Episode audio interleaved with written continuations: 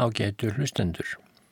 Þessi litla þáttaröð hóf göngu sína í ríkisútvarpinu árið 1986 og hefur verið hér meir og minna síðan með nokkrum stuttum hljöfum og einu tíára hljöði reyndar líka. En á þessum tíma hef ég vitaskuld bóðið upp á alls konar efni, margt sögulegt eða menningarlegt sem ég hef sjálfur skrifað og svo hefur líka verið lesið upp úr alls konar bókmyndum, skáldskap, fræðiritum, æfiminningum og þjóðlegum fráðleik af öllum mögulegu tægi. Og ég hef veitaskuld enga tölu á því upp úr bókum hver margra höfunda ég hef lesið. En eitt tel ég mig þó vita að einhverju hluta vegna hafi ég aldrei á þessum 36 árum lesið upp nokkurn texta nema þá kannski einhver örstuðt brot eftir einn frægasta og rómaðasta rittöfund Íslands á 20. öld en það er Þórbergur Þórðarsson. Fyrir þessu er engin sérstök ástæða, það hefur bara hist svona á. En í þessum þætti ætla ég að bæta úr þeirri skák, lesa hér búta úr bráðskemtilegri frásögn eftir Þórberg um lifnaðarhætti í Reykjavík á síðara helmingi 19. aldar.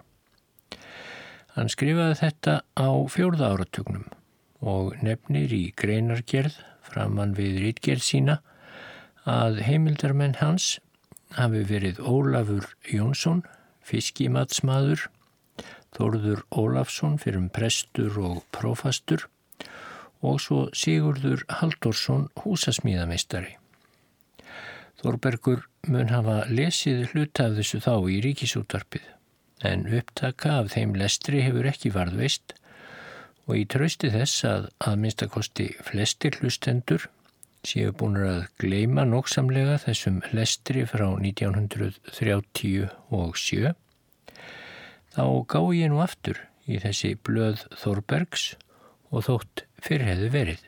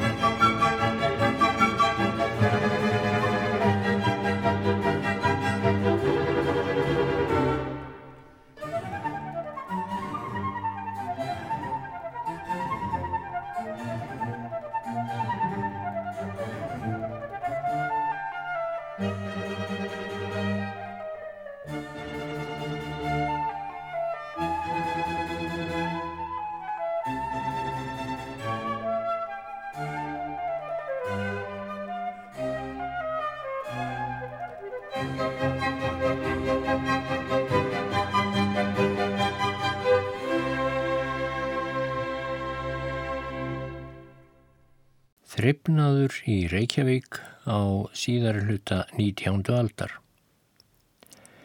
Það er engum vafa undirorpið að þryfnaður stóð á þessum tímum í flestum greinum að baki því sem nú týðkast. En það voru skilirði flest til þryfnaðar þá markvallt verri en nú á tímum. Golf voru æfinlega þvegin tvísvar í viku á miðvikudögum og lögardögum en aðra daga voru þau sópuð, oftast með fugglsvæng.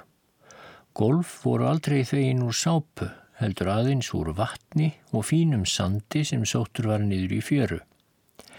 Eftir þvottin var stráð á golfin kvítum skeljasandi sem fluttur var í pókum utan úr örfyrir seg. Sandinum var líka stráð í ganga og bæjartir.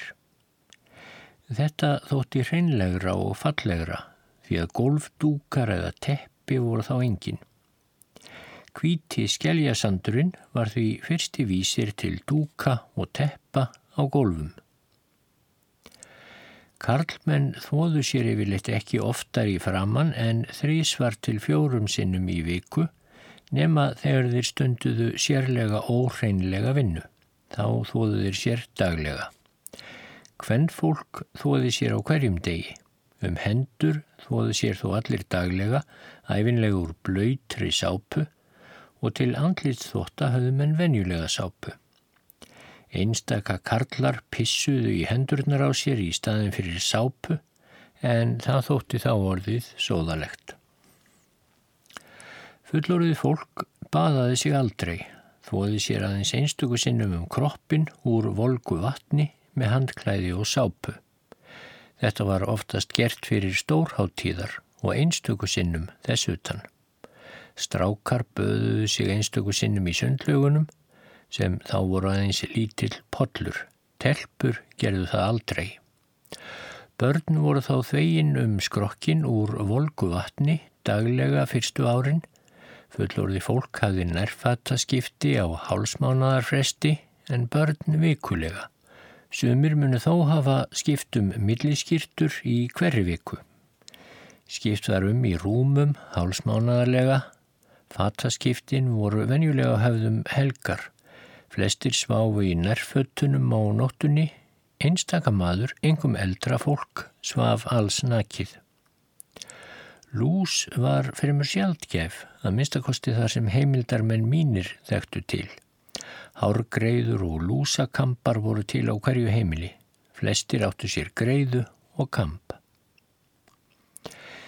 Lærðir rakarar voru hér engir á síðara helmingi 19. aldar en ímsir ólærðir menn fengust á við rakstur og engum hárskurð.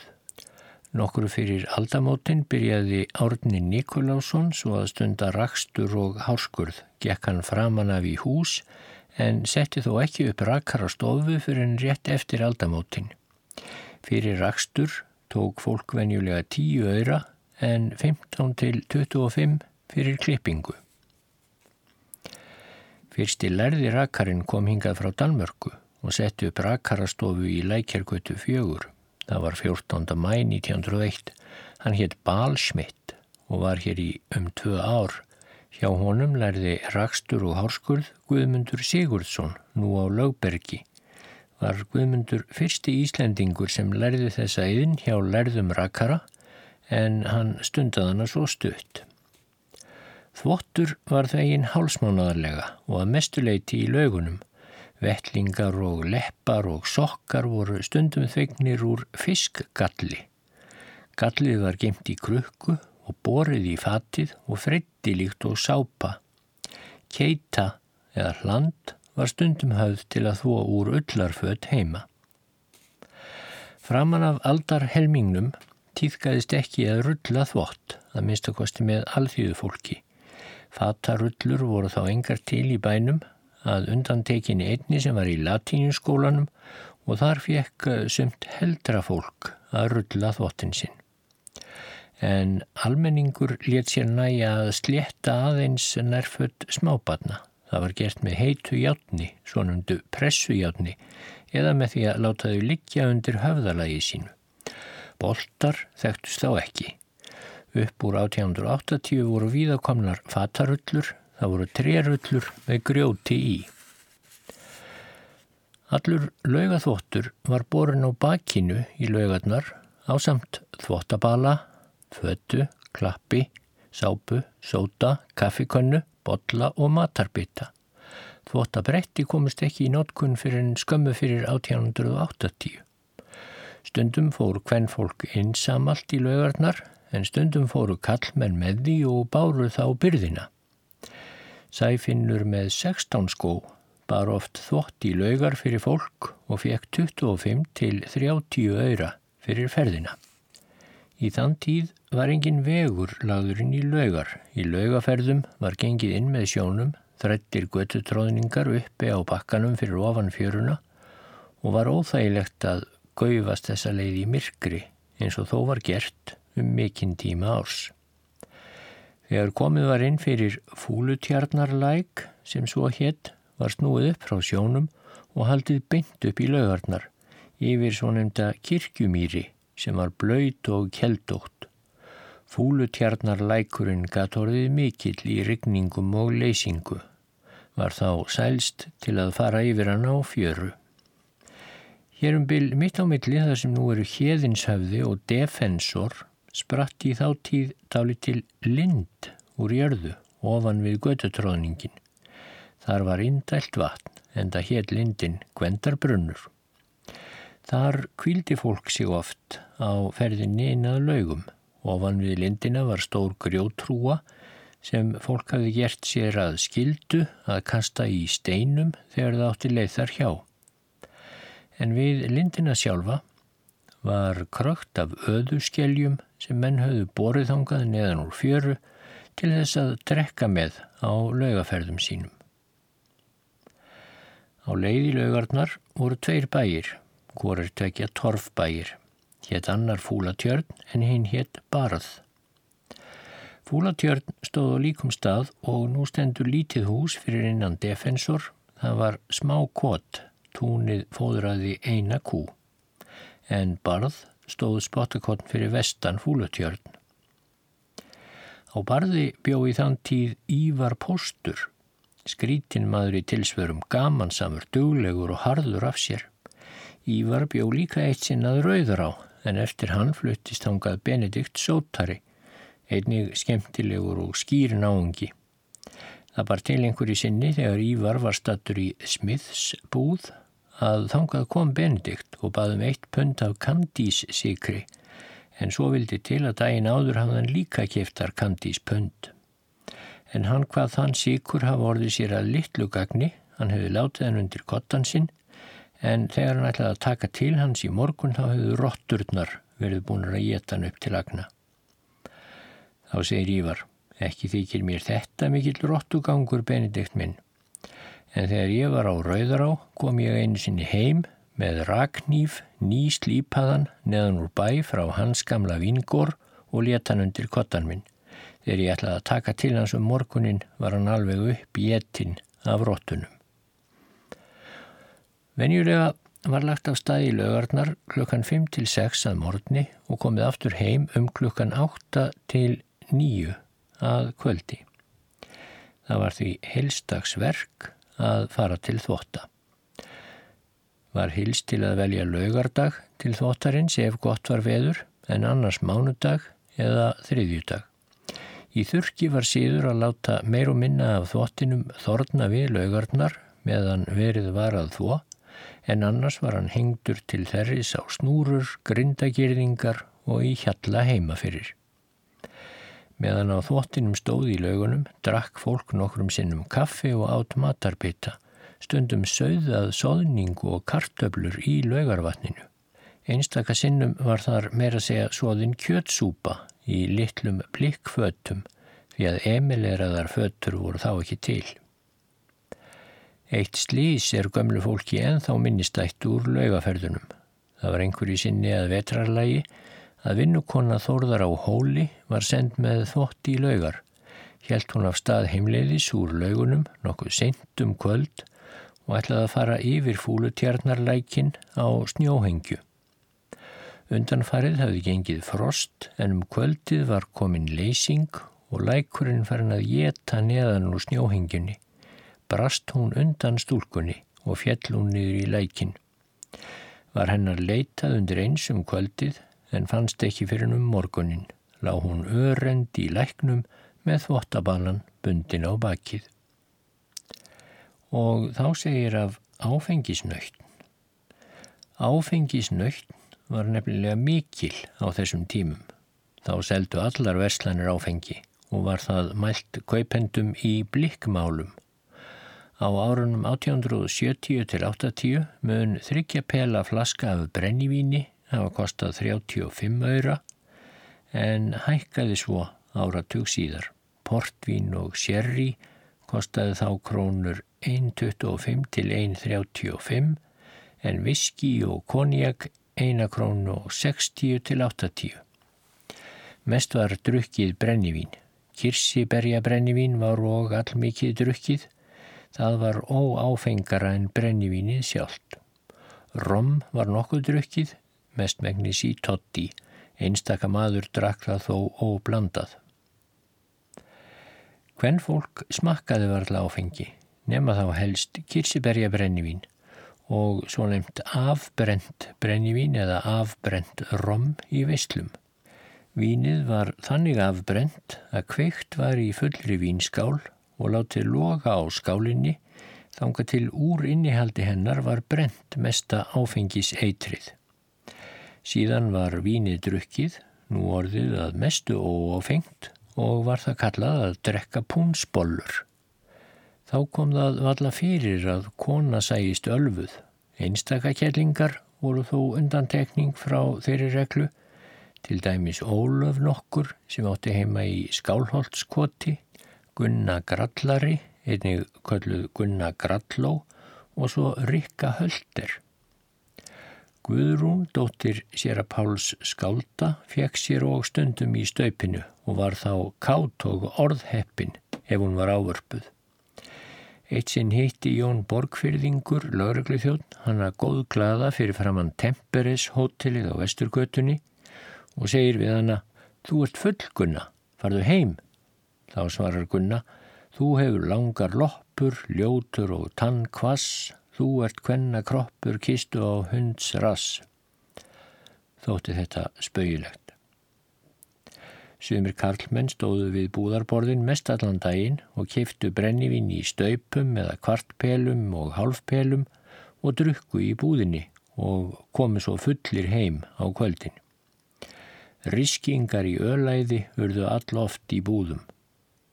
Slagsmál urðu næstum á hverju kvöldi inn í Svínastíunni, svo kallaðri, á veitingahúsi Jörgensens, þar sem síðar var Hotel Ísland og einnig á götunni fyrir utan húsið.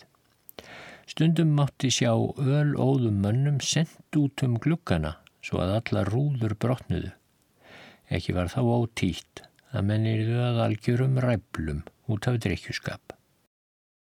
Heilsufar og læknadómar Hér verður ekki farið út í samanburð á heilsufari fólks þá og nú. Þess skal aðeins getið að þá guðsu upp sóttir annað veifið sem við erum lausir við nú en í þeirra stað hafa aðri sjúkdómar færst í aukana er líkt þjáðum en þá. Taugaveiki gauðst til dæmis upp öðru hverju og drap marga. Barnaveiki gekk við og við og varð fjölda barnað fjörtjóni. Þrjár sístur Ólafs Jónssonar í hlýðarhúsum á 6 til 10 ára aldri dói til dæmis sömu vikuna úr barnaveiki. Úr mislingunum 1882 dó margt fólk.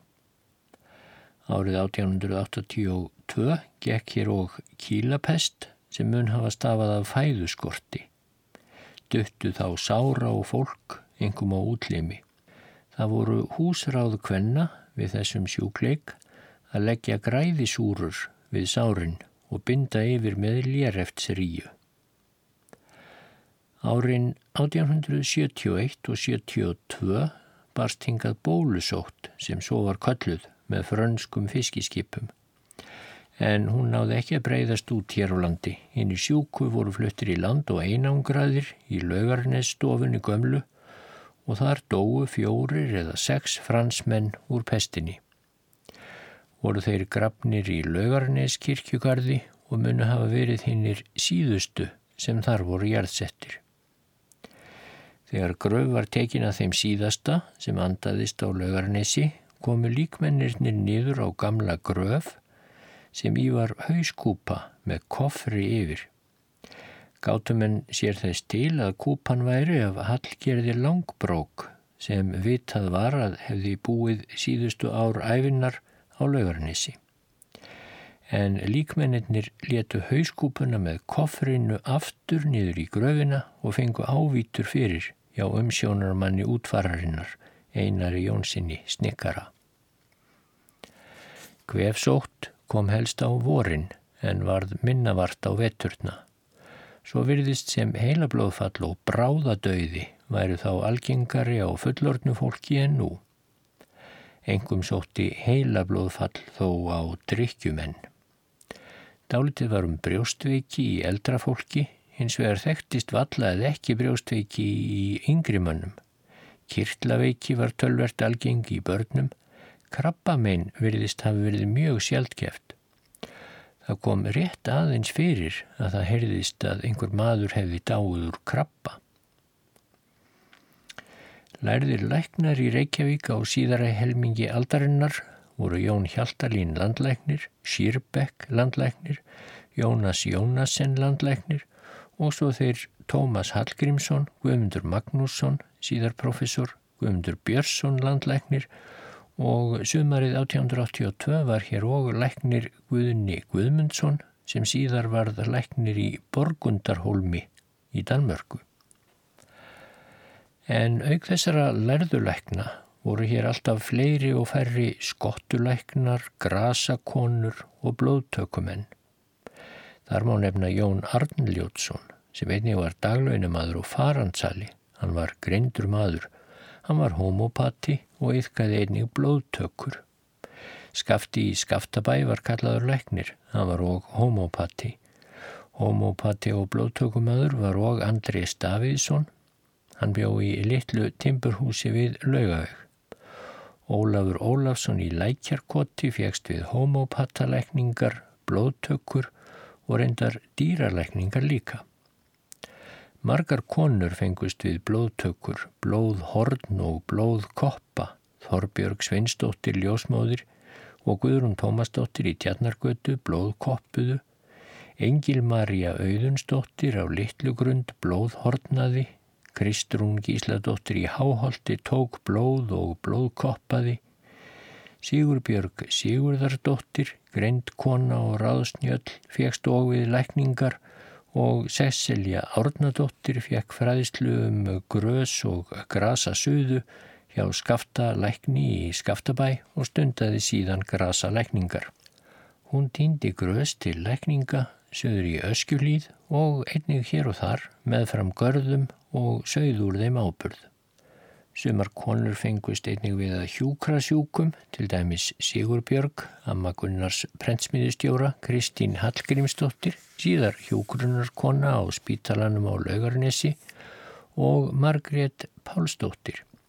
Margrét var tvö ár starfstúlka hjá einar Jónssoni Snikkara og hún tók þá hefil og sög og smíðaði allan daginn þegar mikið lág við. Margrét lærði einnig að klippa líklæði hjá konu einars snikkara og átti mikið við það síðar. En fremur gekk Margrét í hús til þess að hengja upp glukkatjöld og sauma. Þar að auki fegst hún við leiklist. Hún leik til dæmis einu sinni húsfreyjuna í nýjársnóttinni. Árið 1883 fluttist hingað austan úr biskupstungum Cecilia Þorðardóttir. Cecilia var mesta merkiskona, var ljósmóður og mjög neyð til að hjálpa sjúkum. Hún stundaði hér síðan hjúkrun og lækningar allt til dauðadags.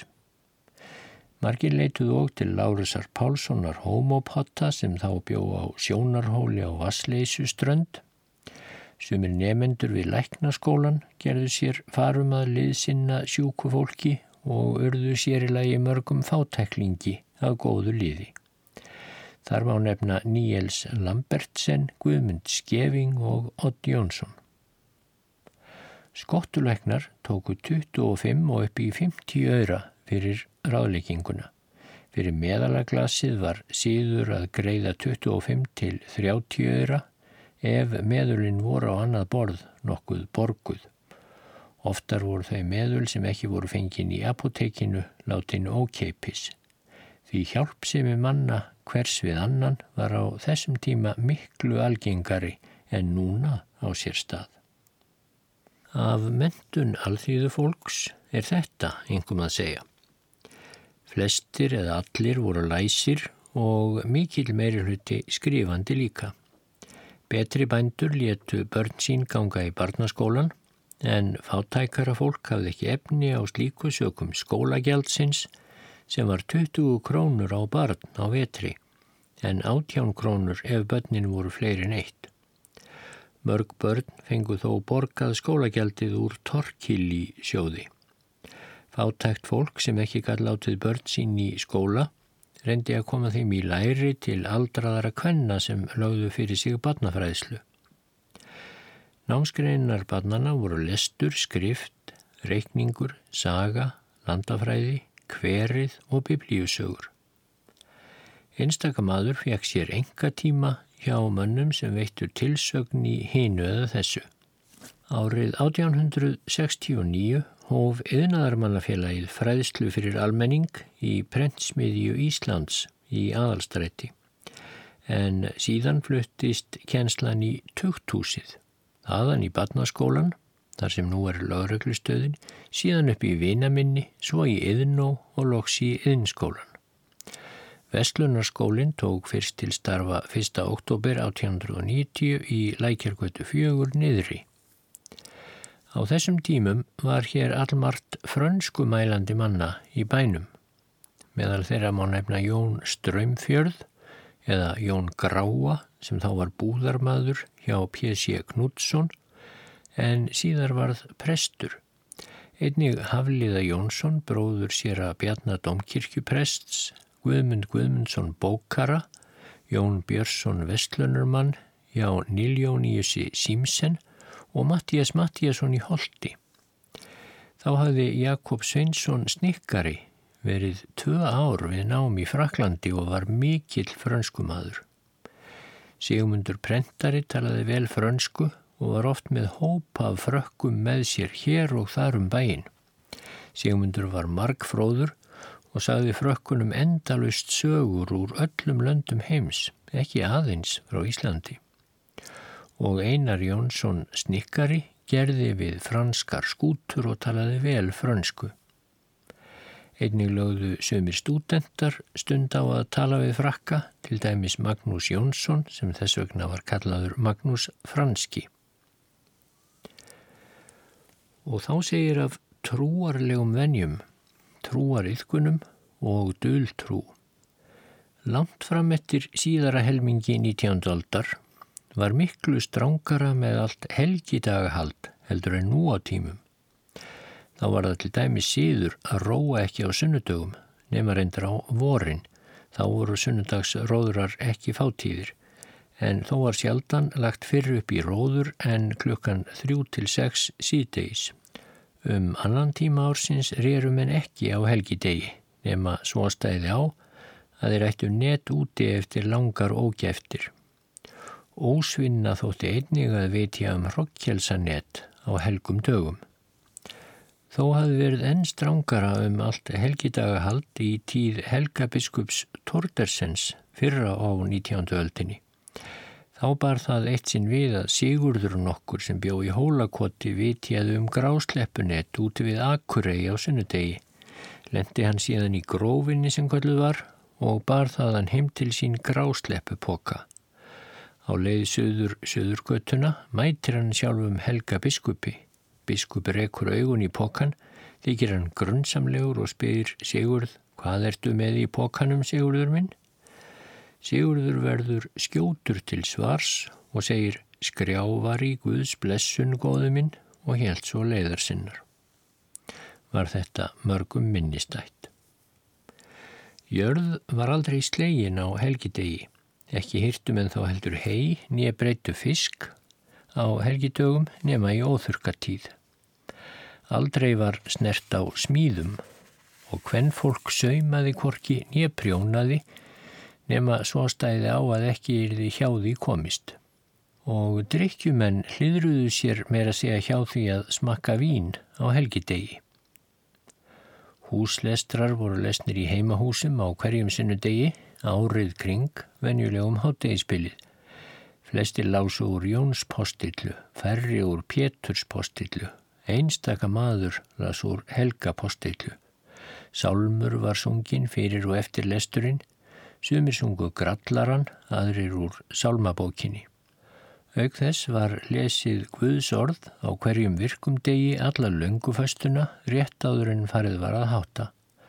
Á undan eða eftir lesturinnum var sungin einn sálmur í passíusálmunum var sálminum tvískipt og var fyrir hlutin sungin á undan og síðar hlutin á eftir lestrinum.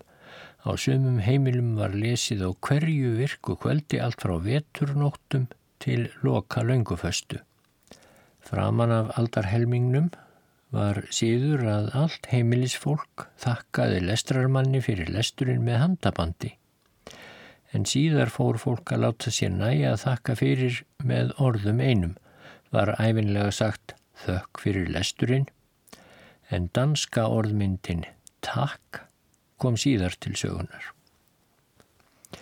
Bænir og vers hafi fólki yfir með sjálfu sér þegar það var lagst til svefns á kvöldin að minnstakosti framann af aldarhelmingnum en svo lagðist það smám saman niður að miklu leiti.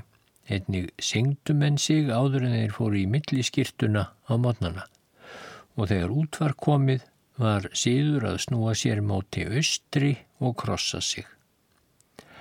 Algengt var einnig að kenna börnum bænir og vers. Þegar barnið fór í skýrtuna á mótnana var því sagt að signa sig eða lesa signinguna og þegar barnið var svo alklætt var það látið hafa yfir þetta vers Nú er ég klættur og komin á ról, Kristur Jésús veri mitt skjól, í Guðsóttanum gefðu mér að gangi dag svo líki þér. Síðan var barninu sagt að fara út og signa sig móti sólar uppkominni. Sjóferðamannsbæn var æfinlega lesin þegar róið var, fór svo aðtöfn fram með þeim hætti að allir skipverjar tóku ofan höfuðföttin þegar komið var nokkur áratóg frá landi og lási í hljóði, bænina og síðan fadir vor á eftir. Auk þess hafðu sumir yfir einhver andleg vers. Kirkjusókn var á þessum tíma hlutfalslega meiri en nú. Sama fólkið fór oft í kirkju sunnudag eftir sunnudag.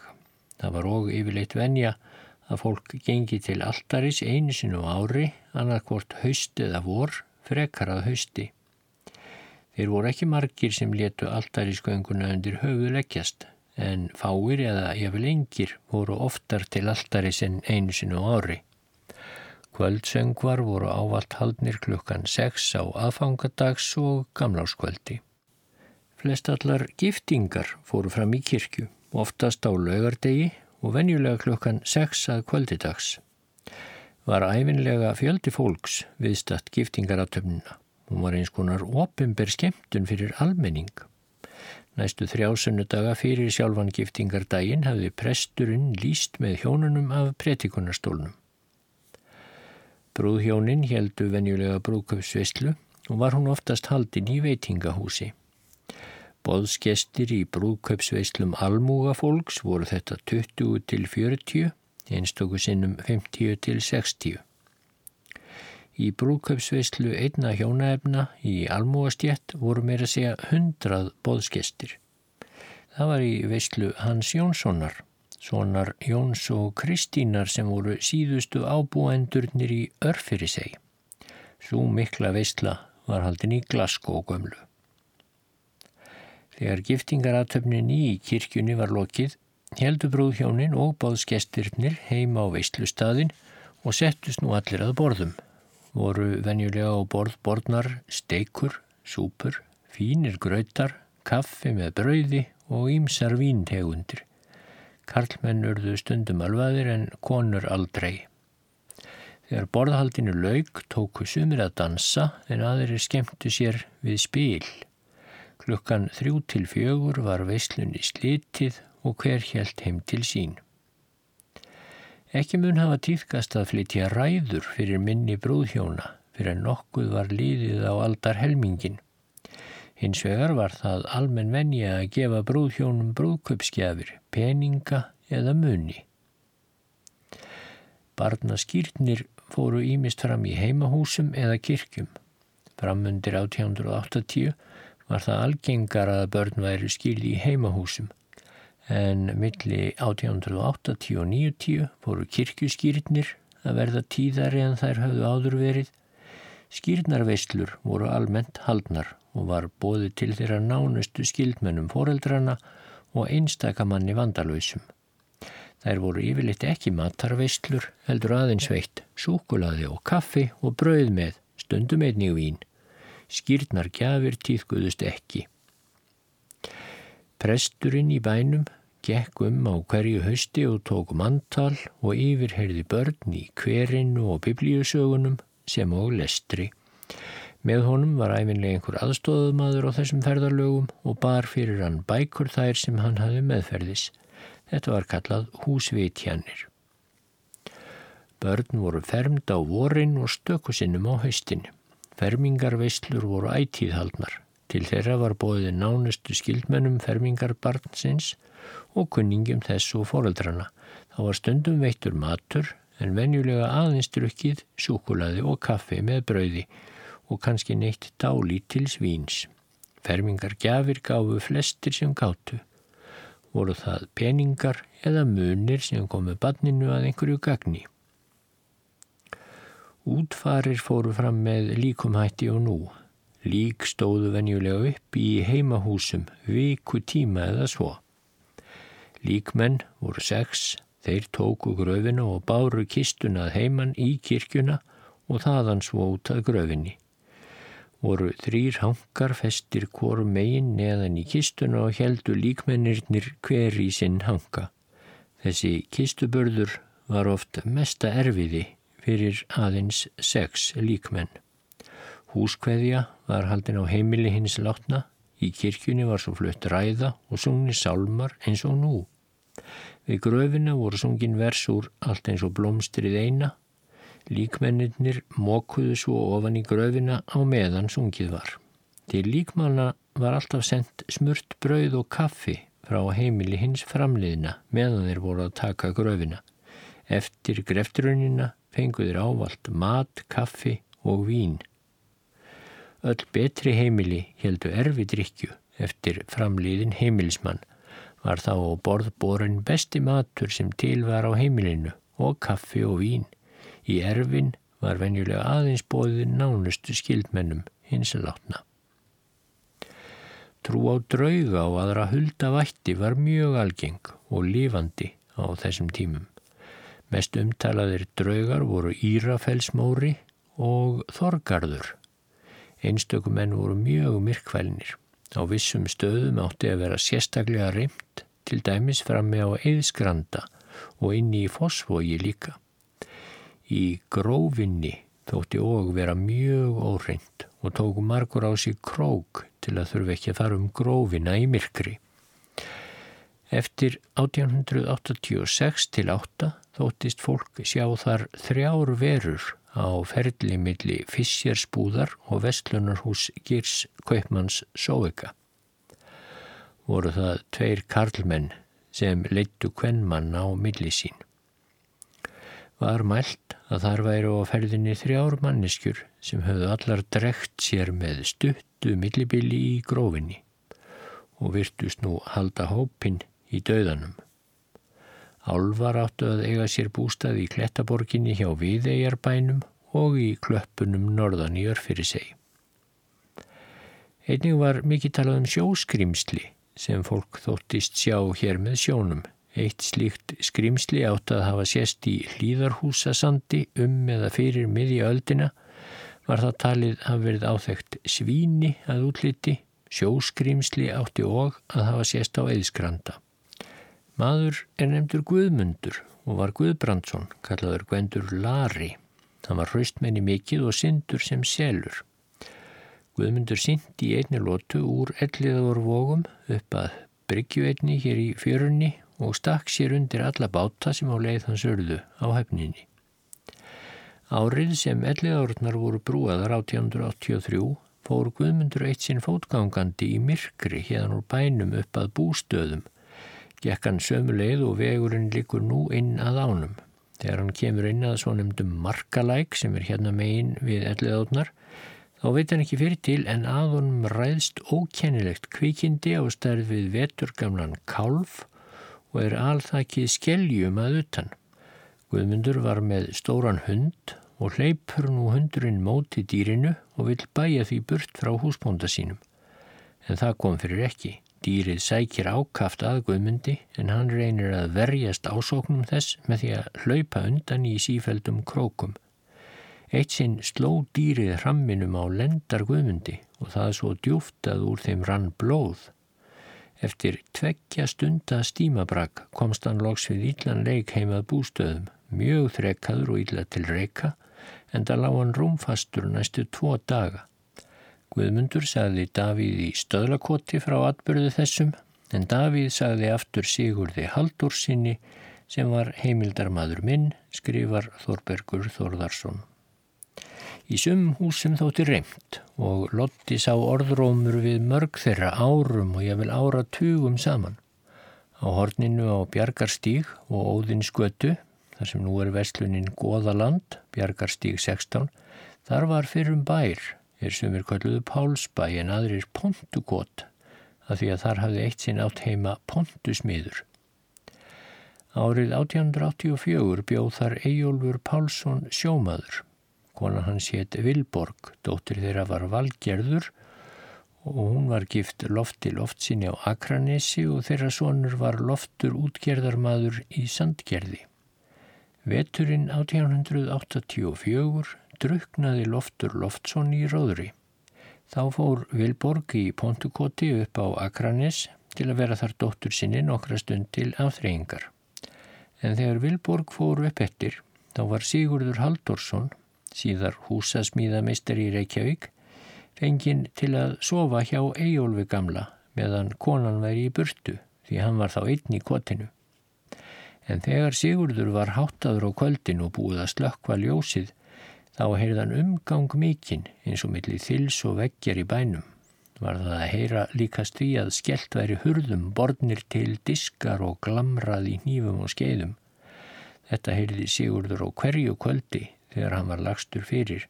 Það er 6 til 8 vikur sem hann svafi í kotinu og sopnaði út frá því á hverju nóttu. En á mótnana heyrði hann aldrei neitt ofinjulegt. Aldrei hafði hann orð á þessu við Ejólf gamla, hins vegar færðan það í tal við foreldra sína, en þau svöruði því einu til að þetta myndi hegilja tóm. Laungu síðar var svo reist steinhús á rústum Pontukots. Árið 1930 hittir Sigurður að máli mann sem þá hafi verið heimilsfastur í því nýja húsi í 12 ár. Spyr hann mannin hvernig húnum líki að eiga þar heima því að Sigurði voru enþá í minni reymleikarnir í Pontukoti. Maðurinn svarar og segir að eiginlega líki sér þar vel að öðru leit en því að hann verði þar oft var við ímislegt hvimleitt sem hann get ekki gert sér grein fyrir og fáum árum síðar átti Sigurður tal við konun okkra, Kristínu Bjarnadóttur frá Glóru í Eistrirrepp sem verið hafði til heimilis í þessu sama húsi en var þá nýlega farin þaðan, barst tal þeirra að dular fullum fyrirbyrgðum. Segir þá konan, á þess að Sigurður indi hann eftir því, að hún hafi orðið vörfið ímislegt enkennilegt í húsinu nr. 16 við Bjarkarstík. Það hefði verið þar eins og eitthvað verið lífandi á ferli sem öllum væri þó alveg ósýnilegt. Það er ætlun Sigurðar að reymleikar þessir hafi stafað að völdum huldufólks því að pontukot hafi verið reist á klöpp. Þá þótti reymt í hattarhúsinu eftir dauða Péturs hattara og var ætlað að hann væri þar sjálfur á ferli. Einnig þótti reymt í húsi Randrúps livsala við Östurvöll en versta draugabælið var þó eðskrandi. Þar þóttust menn sjá bæði svartar flyksur og eldglæringar. Hvað svo ramt að reymleikum á grandanum að austan menn sem þar áttu leiðum í myrkri og skreiðarferðum fram á seltjarnarines komu stundum ekki hestum sínum þar úr sporunum og örðu að snúa aftur. Á þessum tímum heimdi enþá tölvert eftir af trú á galdra og ákvæði alls konar. Sumir trúðu því til dæmis að segða mætti að vind með því að eh, setja lunguhaus með uppglendu gíni á staur eða húsburst og átti veðrið þá að koma úr þeirri átt sem gínið snýri í. Ljótur munnsöfnuður átti að draga á eftir sér íllar afleiðingar. Krökkum var tekin vari fyrir að ganga aftur og bakk því með slíku hátverðni gengjuðir móður sína niður í jörðina. Ef bent var á skip á sjó þá ótti skipið að farast og var tekin vari fyrir að láta sig henda slíka yfir sjón. Selju mátti ekki hafa í húsum því það átt að gera konum erfitt fyrir um barspurð og að nota selju í skip þótti viðurstigð. Stafna hvast tungl, bóðaði druknun, mikill vöxtur í fífu og sumrin, vissi á snjóavetur og svo framvegis. Þá tók fólk og mikið mark á draumum. Saur bóðaði happ. Peningar bóðaði harðindi. Sjógangur bóðaði abla. Miklar fjörur bóðaði fiskleysi. Vín var fyrir vætu, kvítt fjö fyrir snjó, hús eða veggjarhrun fyrir mannsláti á þeim bæ þar sem hrunið varð. Og suma dreymdi ákveðið kvennfólk sem þeir þekktu fyrir vondu veðri á sjó. Hugur fólks til döðans var á þessum tímum tölvert frábröðin því sem hann nú er. Fólk kveið þá meira fyrir döðanum. Hann var hryllilegri atbörður.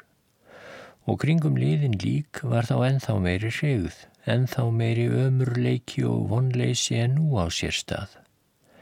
Fyrir 50 árum var það til dæmis algengt þegar mann bar þar að af hendingu sem verið var að smíða líkistu að hann árætti aðeins að stinja því upp við smiðin í halvum hljóðum hver væri nút áinn. Þessi dapurlegi ótti við dauðan átti vafalust að nokkur leiti rætur sínar að rekja til hinnar miklu vanþekkingar á lífinu eftir dauðan og óvissunni um afdreif sálarinnar eftir andlátið og það var þessi ótti sem knúði fram guðræknis yðganirnar að því leiti sem þær voru ekki hugsunarlaus málamynda venja.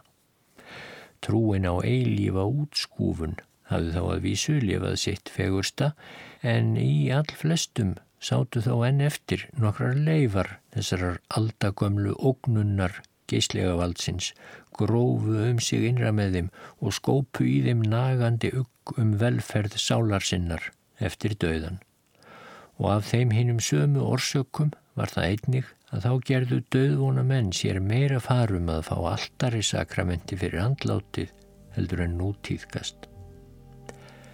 Það sem öllu öðru fremur hefur dreyið úr þessum óta fólks við döðan er vafalaust skilningur sá sem spiritismin hefur flutt fólki á döðanum og engum og sérilegi lífinu eftir döðan skrifar Þórbergur Þórðarsson